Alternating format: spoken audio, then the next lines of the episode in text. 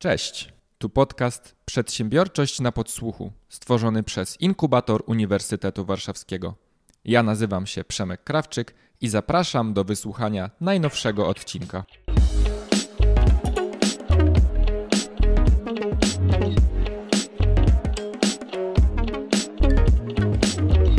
Moi drodzy, Słyszeliście to prawdopodobnie już podczas rozmowy ze Stanisławem Serafinem, że delikatnie zmieniliśmy formułę tutaj, kiedy zapraszamy y, osoby związane z inkubatorem UW do naszego podcastu i nie ma już dwóch gości, dwóch projektów na odcinek, jest jeden. Mm, Plusem jest to, że te rozmowy mogą być delikatnie dłuższe, bo mogę sobie pozwolić właśnie na taką pogłębioną dyskusję z naszymi gośćmi, a dla Was ostatecznie odcinek jest krótszy, bo jest jedna rozmowa zamiast dwóch, natomiast ta jedna rozmowa jest dłuższa niż te, które, y, które przeprowadzałem wcześniej. I no, wydaje mi się, że zaczynamy y, już tutaj w tych odcinkach też rozmawiać o, o ważnych rzeczach, o ważnych tematach. Ja Mam nadzieję, że nie macie nic przeciwko, że się tak trochę nie boję ich podejmować, e, bo po prostu zapraszamy gości, którzy mają coś do powiedzenia. I to jest oczywiście komplement do, do gości podcastu, których, e, których zapraszamy. Nie zdarza się to w każdym podcaście, więc mam nadzieję, że cenicie też to e, przynajmniej trochę. Mam dzisiaj gościnie. Shin jest ze mną. Dzień dobry. Cześć Przemek. Y, Shin jest doktorantką w Szkole Doktorskiej Nauk Społecznych na naszym uniwersytecie, y, także gratulacje, bo, y, bo wiemy, że po reformie szkolnictwa to nie jest wcale takie proste i przyjemne dostać się na doktorat i kontynuować swoją karierę naukową właśnie na uniwersytecie. Trzeba się postarać i bardzo dobrze. Jednocześnie Shin jest założycielką horyzontalnego klubu dyskusyjnego. I o tym, czym jest, czym jest ten pomysł, czym jest ta instytucja, to sobie zaraz porozmawiamy, ale jak sobie myślałem, o czym moglibyśmy dzisiaj pogadać, mm, prowadzicie horyzontalny klub dyskusyjny, to od razu sobie pomyślałem o tym, mm, jaki jest dziś poziom debaty publicznej i można zacząć od poziomu debaty publicznej w mediach, mm, debaty w polityce, debaty w internecie i jestem totalnie przerażony, bo mam takie wrażenie, że on spada na łeb na szyję i ja dzisiaj niestety już nie mam ochoty często go obserwować. I jak już widzę osoby, które na przykład wdają się w jakiś pojedynek słowny na Twitterze albo w telewizji w programie śniadaniowym, albo to są moi znajomi na przykład na Facebooku, to po prostu skroluję dalej. Nie chcę się w taką debatę angażować, bo e, mam takie wrażenie, że absolutnie nic to nie wniesie do życia mojego ani moich potencjalnych dyskutantów, tylko po prostu wzmocnimy się gdzieś w swoich okopach i na swoich pozycjach E, a to jest chyba takie też mega szkodliwe podejście, bo ono zamyka mnie na też na innych ludzi. Mm, no więc to jest takie, taki mocny statement na samym początku. Mam wrażenie, że wiele osób, które nas słuchają, będzie się z tym utożsamiać, więc chciałem chciałem się Ciebie zapytać, jako osoby, która na tej debacie się zna, czy Ty też masz podobne wrażenie, że ten poziom debaty spada i dlaczego, dlaczego tak się może dziać dzisiaj?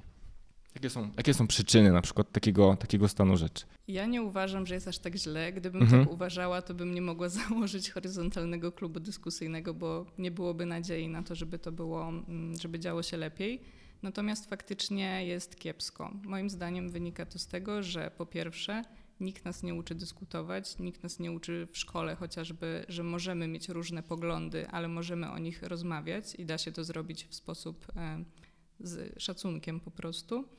E, natomiast z drugiej strony to, w jaki sposób politycy i media kreują tę debatę publiczną, no to wydaje mi się to po prostu cyniczne e, i żerujące na takich naszych emocjach. Mm, I tutaj nie upatruję jakby przyczyny w tym, że te osoby nie mają tej edukacji, no bo te osoby są w tym świetnie wyćwiczone, wiedzą jakby no, rozumieją to, jaki wpływ ma ich e, sposób mówienia, e, podejmowane tematy na społeczeństwo i po prostu z tego korzystają.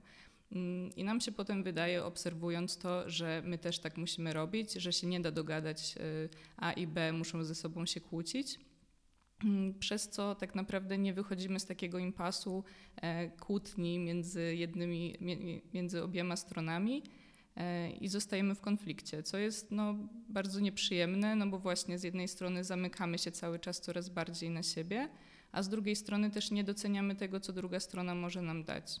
Mega mm, ważną rzecz poruszyłaś, czyli brak edukacji w tym temacie. Y, ja też Mam wrażenie, że chodziłem do bardzo fajnego liceum i bardzo dobrze wspominam ten czas, absolutnie wybrałbym je jeszcze raz, ale ani razu nie wziąłem udziału w czymś, co by się nazywało właśnie debatą albo nauką debaty, dysk dyskursu, dyskusji. A wiem, że w niektórych szkołach to się działo. Y, nawet debaty oksfordzkie, prawda? To jest mega ciekawy sposób. Zaraz też chciałbym, żebyś y, opowiedziała słuchaczom, y, na czym one polegają.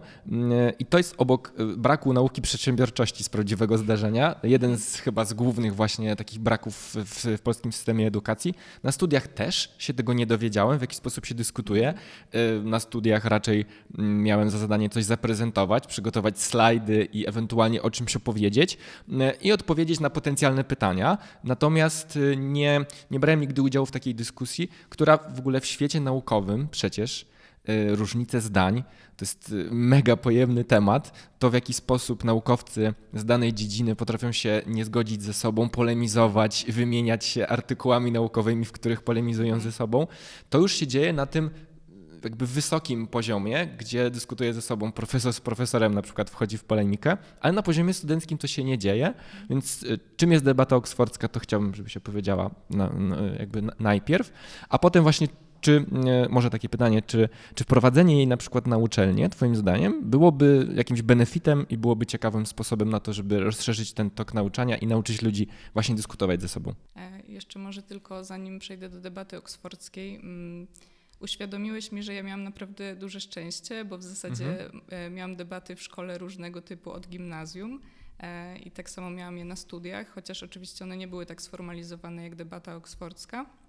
Mm, natomiast e, faktycznie gdzieś to ze mną było od początku i dlatego wydaje mi się, że też dostrzegam w debacie coś więcej niż jakby jest dostępne dla zwykłych mhm. ludzi, którzy nie mają szans w tym uczestniczyć. Mm, I Debata oksfordzka mm, jest taką formą, gdzie spotyka, spotykają się dwie drużyny, mm, trzy lub czteroosobowe i e, każda, każda z osób w tej drużynie ma jakąś rolę. Na początku jest przedstawiony temat, zazwyczaj te osoby mogą się wcześniej do niego przygotować, czyli to nie jest tak, że wchodzimy w tą debatę i dowiadujemy się e, o czym będzie, chociaż oczywiście na tym najwyższym szczeblu w Ameryce, na przykład jak rozgrywają mhm. się różne mistrzostwa? mistrzostwa, no to tam już w ogóle jest taki super wysoki level.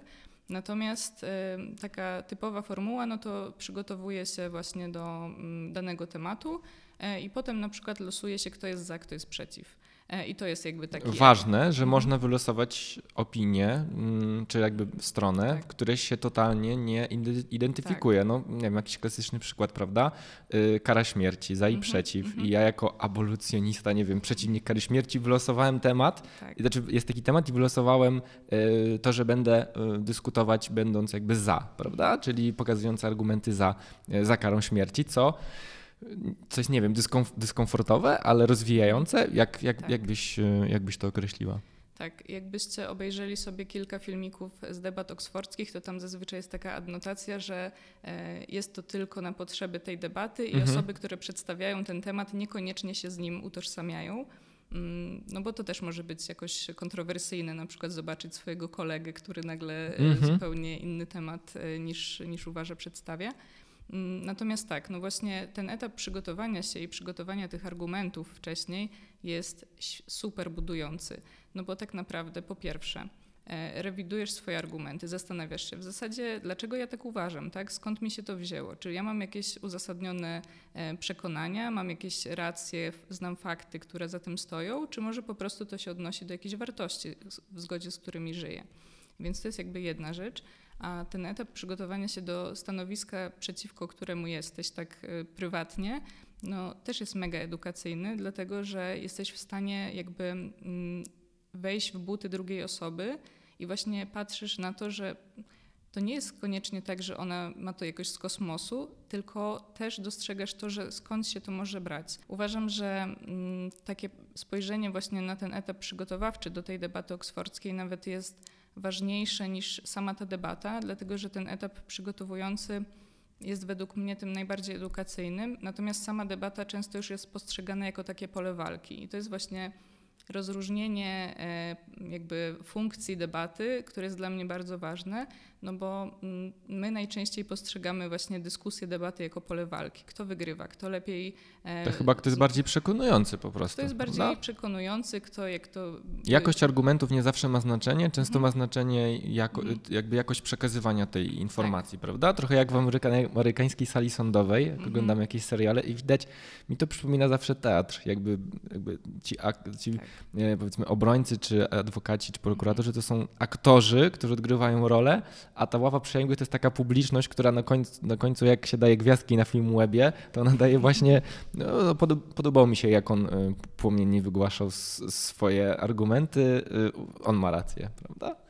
Tak, jasne. Chociaż wydaje mi się, że też y, gdybyśmy mieli większą świadomość w ogóle, jak budować argumentację, to też byśmy na inne rzeczy zwracali uwagę. Mhm.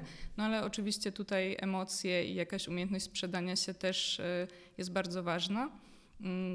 I też dlatego właśnie ta dyskusja, debata ma mm, taką funkcję właśnie jako pole walki, tak? No bo kto y, lepiej się zaprezentował, to jest jakaś rywalizacja.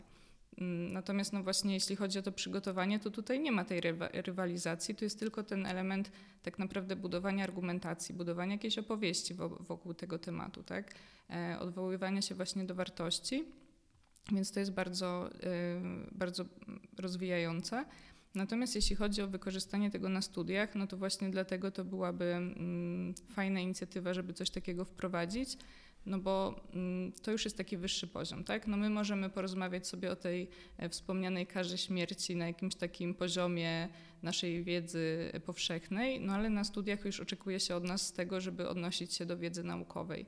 Mm, no i to też nie jest tak, że ta wiedza naukowa jest jedna i e, jak już ktoś coś powie, to to już jest na amen, tak? tylko ona się rozwija. Rozwija się przez to, że my właśnie ze sobą dyskutujemy e, o tym, czy to ma rację bytu, czy może jednak trzeba na to inaczej spojrzeć. Mm, I wprowadzenie tego już na etapie studiów moim zdaniem byłoby też korzystne e, nie tylko dla świata naukowego jako takiego, ale też dla tych studentów, którzy poprzez dyskusję mogą się lepiej zapoznać z danym tematem, bo w ogóle dyskusja to jest bardzo wysoko w piramidzie przyswajania wiedzy i kompetencji. E, I właśnie dlatego wykorzystanie tego na studiach byłoby naprawdę super, super pomocne.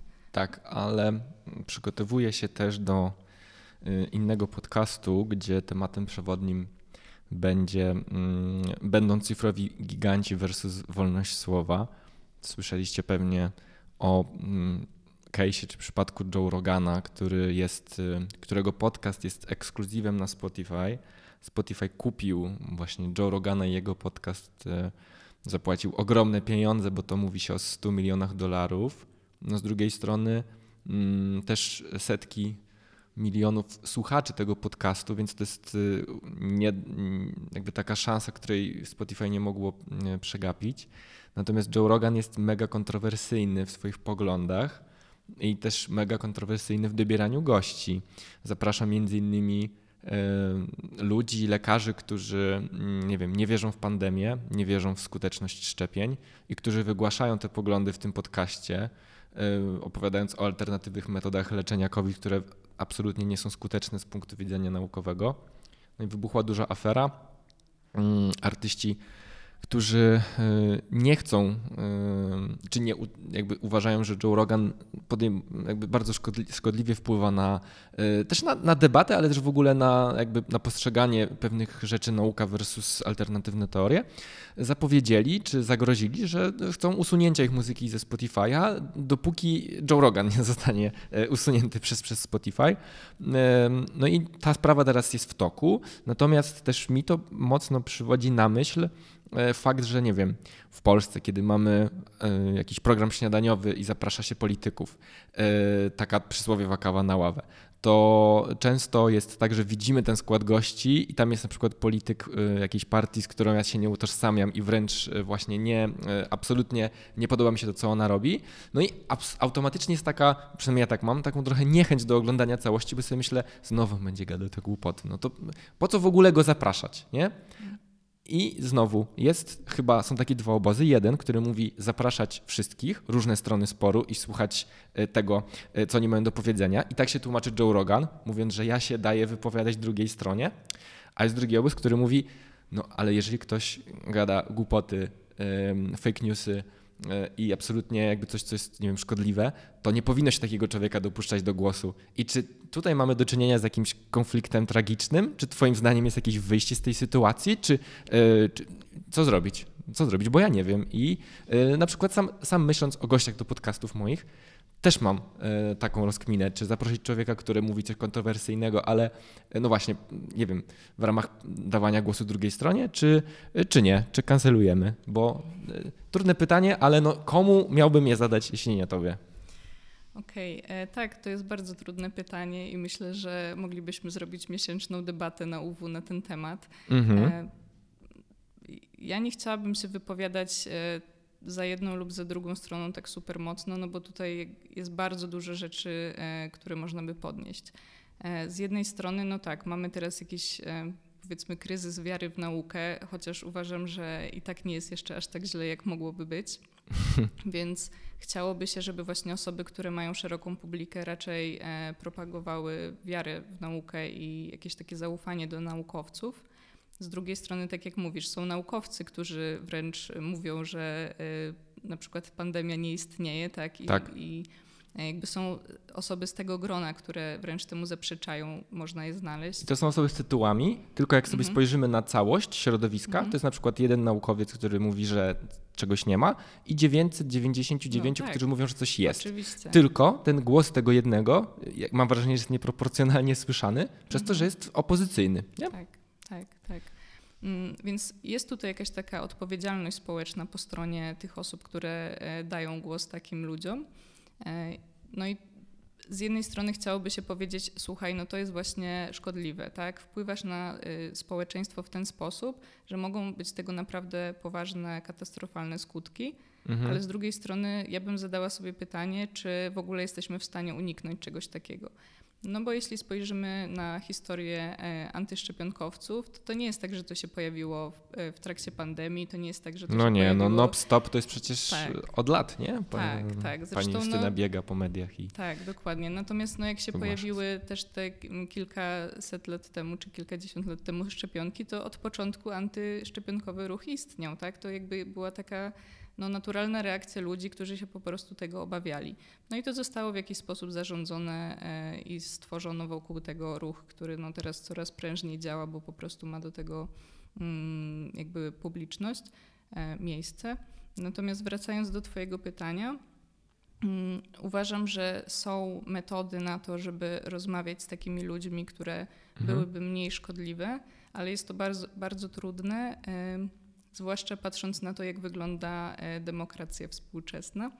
E, dlatego, że mm, my mamy bardzo małą świadomość, e, jak ta demokracja mogłaby wyglądać. I właśnie nie ma w niej rozmowy, tak? nie ma też w niej umiejętności sięgania do faktów, bo gdybyśmy na przykład, załóżmy, że spotyka się taka osoba, która nie wierzy w te szczepionki, z osobą, która jakby jest przekonana o ich skuteczności, no i na takim poziomie e, indywidualnym, nie wiem, spotykasz taką osobę w pracy czy na studiach, no to tak naprawdę oboje macie taki sam e, zasób, tak? Ta osoba mhm. ma jakieś 10 artykułów e, niby naukowych, ta druga osoba też ma 10 artykułów naukowych, no jakby jak one są w stanie wejść w porozumienie. Mm, no tutaj jest jakby jakiś taki konflikt, który zdaje się być nie do rozwiązania, Natomiast załóżmy teraz, że te osoby są osadzone w świecie, gdzie są w stanie wspólnie usiąść do tego, e, wspólnie się nad tym zastanowić, jakie są argumenty za tym, żeby wierzyć w szczepionki, jakie są zagrożenia związane ze szczepionkami, które można razem omówić.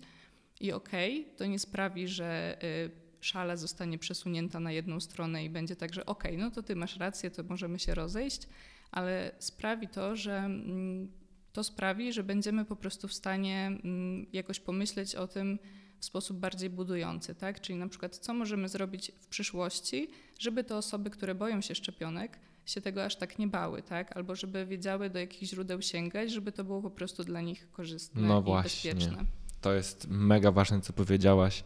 Uczenie ludzi takiego sprawnego i odpowiedzialnego wyszukiwania źródeł informacji i weryfikowania, y, czy na przykład dana strona internetowa y, przekazuje wiarygodne informacje, prawda? No bo dzisiaj w bardzo prosty sposób można upozorować, że jakaś strona jest, nie wiem, mhm. zafiliowana z uczelnią, a wcale nie jest. Ja też mam taką teorię, już zamykając trochę ten temat, przechodząc już na poziom waszego klubu, mam trochę taką teorię, że właśnie tłumienie pewnego zdania, na przykład alternatywnego, sprawia, że mm, gromadzi się jakieś duże ciśnienie wśród ludzi, którzy wyznają na przykład daną teorię, bo oni się czują ograniczani, czują się, że, że ich głos jest właśnie tłumiony, y, tłamszony i to w nich wzbiera i mhm. to w pewnym momencie wybucha.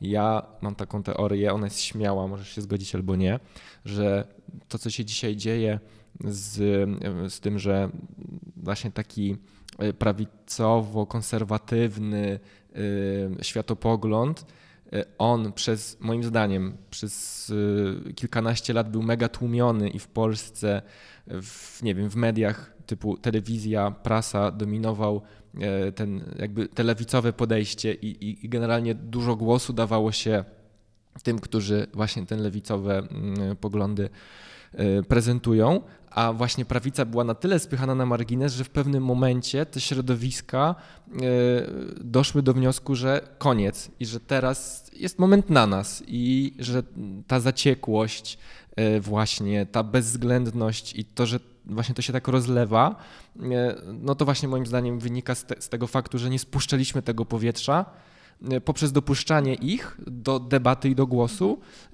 i właśnie gdzieś dbanie o to, żeby jakkolwiek ten balans w tej debacie był zachowany. No właśnie, nie wiem, nie wiem, czy chciałbyś jakoś skomentować to, co powiedziałem, no bo, no bo oczywiście podejrzewam, że zaraz dostanę wiadomości twitterowo, facebookowo, instagramowe, że, że to wcale nieprawda, ale cóż, za późno powiedziałem to. Okej. Okay. E, wiesz co, no myślę, że może być w tym ziarno prawdy, e, ponieważ faktycznie, mm, no przynajmniej ja dorastałam w takim poczuciu, że jakby w takich liberalnych wartościach, tak, mhm. wchodzimy do Unii Europejskiej, po prostu zaczynamy żyć w takim dobrobycie, sky is the limit, możemy wszędzie studiować tak, i tak dalej. Siedzisz w salonie, leci TVN, tak. a jak y, idziesz do kuchni, to tam leży gazeta wyborcza na stole, nie? No tak. to trochę taki mój klimat na przykład. Tak, tak dokładnie. E, natomiast no tutaj zabrakło tego, żeby po prostu spojrzeć też systemowo, tak? No i to moim zdaniem e, jakby prawicy udało się wykorzystać, no bo dostrzegła te elementy tego systemu, które po prostu nie były zaopiekowane tak. i się za to wzięła. Zaopiekowała się, no. Tak, dokładnie. Mm, natomiast też chcę, żebyśmy rozgraniczyli mm, to, bo to nie jest tak, że prawica powinna zniknąć i tylko mhm. lewica ma rację. Nie. E, jakby są dwie rzeczy. Tu powinna się dziać jakaś debata, powinny te wartości między nimi zostać jakoś skonsultowane, powinno być o nich dyskutowane. Natomiast no, oczywiście zupełnie inną kwestią jest mowa nienawiści, która też się pojawia w mediach. E, tak, e, no i to są też jakby dwa różne zjawiska, tak? Jeśli, no i mowa nienawiści, a różne wartości i dyskusja o tych wartościach to są dwie różne rzeczy, tak? Więc to jest też kwestia rozgraniczenia tego, żebyśmy przyglądali się tej debacie z tej perspektywy, tak? Czy tutaj dyskutujemy na przykład, które wartości są nasze, konserwatywne, czy może progresywne, mhm. albo czy to jest właśnie szczucie po prostu na jakąś grupę e, społeczną. Co jest niedopuszczalne i absolutnie z debatą nie ma nic wspólnego, prawda? No czy tak, z dyskusją. Tak. Bardzo, bardzo się cieszę, że to mocno zaakcentowałaś, bo to jest uważam jeden z najważniejszych highlightów tej rozmowy. Jakbym miał robić trailer, to, to bym te 15 sekund wyciął do, do zwiastuna e, czy zwiastunu. E, no i teraz wy tę ideę staracie się wprowadzić w życie, mm, ucieleśnić na uniwersytecie, prowadząc horyzontalny klub dyskusyjny. Mm, czym jest mm, HKS? HKD, przepraszam, HKD. HKD. Czym jest HKD? Skąd ta idea się wzięła? Jakby, czy ona powstała? Pomysł e, jakby wykiełkował z tego względu, że ja, e, tak jak Ci mówiłam wcześniej, mhm. miałam te różne dyskusje na różnych poziomach edukacji. E, skończyłam filozofię, gdzie tam dyskutowaliśmy bardzo dużo. Potem poszłam na kierunek język i społeczeństwo, gdzie w ogóle mi się otworzyły oczy i zobaczyłam, jak potężne jest to, że my możemy ze sobą rozmawiać, możemy dyskutować na pewne tematy i jak to robić w sposób konstruktywny.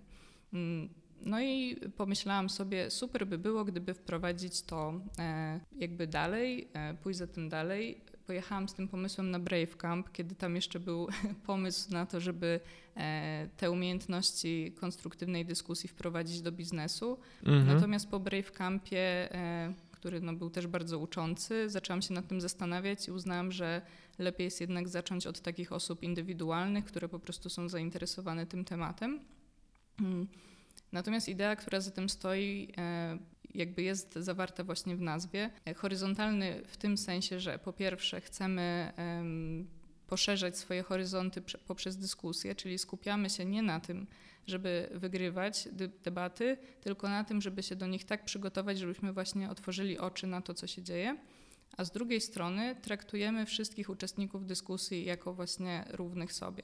Czyli nie interesuje mnie to, że ty masz e, doktorat, a rozmawiasz na przykład z mhm. maturzystą.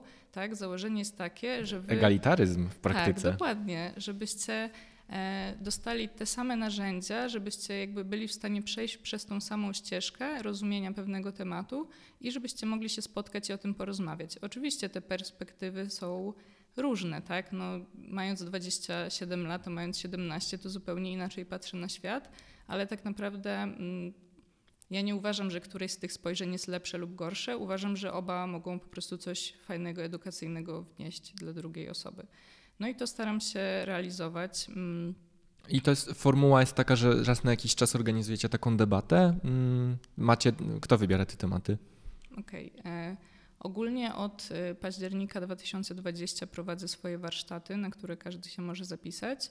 E, I te warsztaty ewolu ewoluowały na przestrzeni, bo też e, jakby ta idea mm, wpływa na to, że ja jestem bardzo otwarta na sugestie osób, które mhm. przychodzą na te zajęcia. To nie jest tak, że mam jeden pomysł i e, teraz to robimy do końca. W tym momencie wygląda to w ten sposób, że mamy cztery zajęcia w bloku.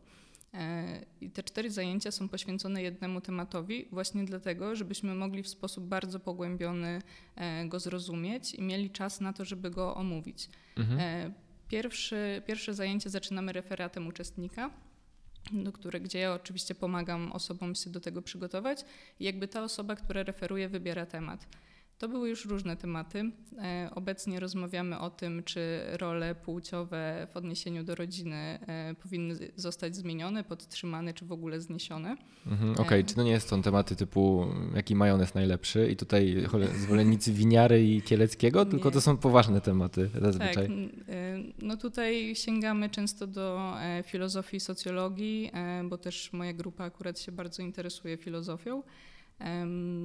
No ale są to też tematy takie bardzo mm, praktyczne. Na przykład właśnie ostatnio rozmawialiśmy o tym, e, jak wygląda uniwersytet w kapitalizmie i e, co ma dobrego, a co złego, e, co zostawić, a co zmienić.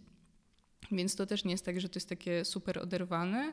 E, natomiast jakby, mm, jakby różnorodność tych tematów zależy właśnie od uczestników. Tak? Ja jestem jakby taką osobą, nie która decyduje, ale bardziej um, kieruje te osoby, gdzie mogą tego poszukiwać, w jaki sposób tego poszukiwać i jak to w ogóle też czytać. No bo czytanie tekstów naukowych jakby nie jest y, super łatwe, więc też się no tego nie. trzeba A to jest nauczyć. jedna z najważniejszych umiejętności moim zdaniem y, ludzi sukcesu. Tak to powiem. To trochę z amerykańska zabrzmiało, ale nauczyć się czytać prace naukowe to jest must have umiejętność. No ja uważam, że nie każdy jest w stanie i nie każdy ma czas, zasoby na to, żeby się tego nauczyć. E, no ale gdzieś tam na tych zajęciach chcę pokazać, że to też nie jest takie straszne i nieosiągalne, e, więc mm, gdzieś tam staramy się z tym po prostu mhm. zmierzyć. Mm, no i to są takie e, warsztaty, które jakby się dzieją co tydzień i się spotykamy jakby co tydzień.